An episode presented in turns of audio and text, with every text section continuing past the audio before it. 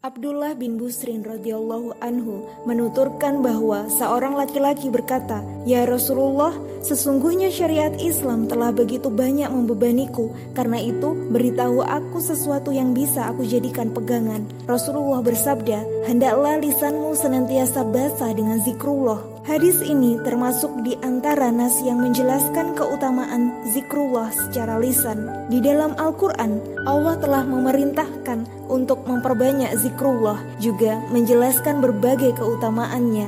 Hai orang-orang yang beriman, berzikirlah kepada Allah dengan zikir sebanyak-banyaknya, bertasbihlah kepada dia pada waktu pagi dan petang.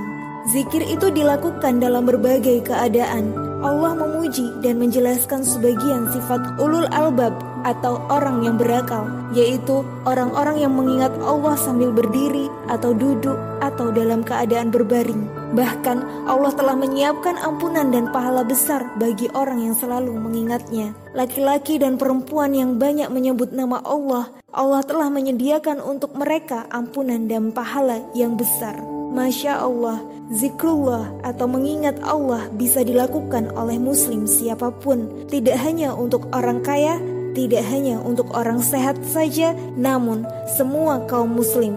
Yuk, siapa pun senantiasa awali amal atau aktivitas kita dengan basmalah, berdoa dalam berbagai kesempatan, juga berzikir dan doa pada waktu yang dianjurkan seperti selepas sholat fardu, pada waktu sahur, setelah sholat subuh hingga terbit matahari, di waktu pagi dan petang, dan masih banyak lagi. Para sahabat dan ulama salaf telah menjadikan zikir sebagai kebiasaan sehari-hari. Selain itu adalah melakukan zikir hati, akal, dan lahiriah. Niscaya seluruh hidup akan bermakna di hadapan Allah mendapatkan pahala dan keridoan darinya.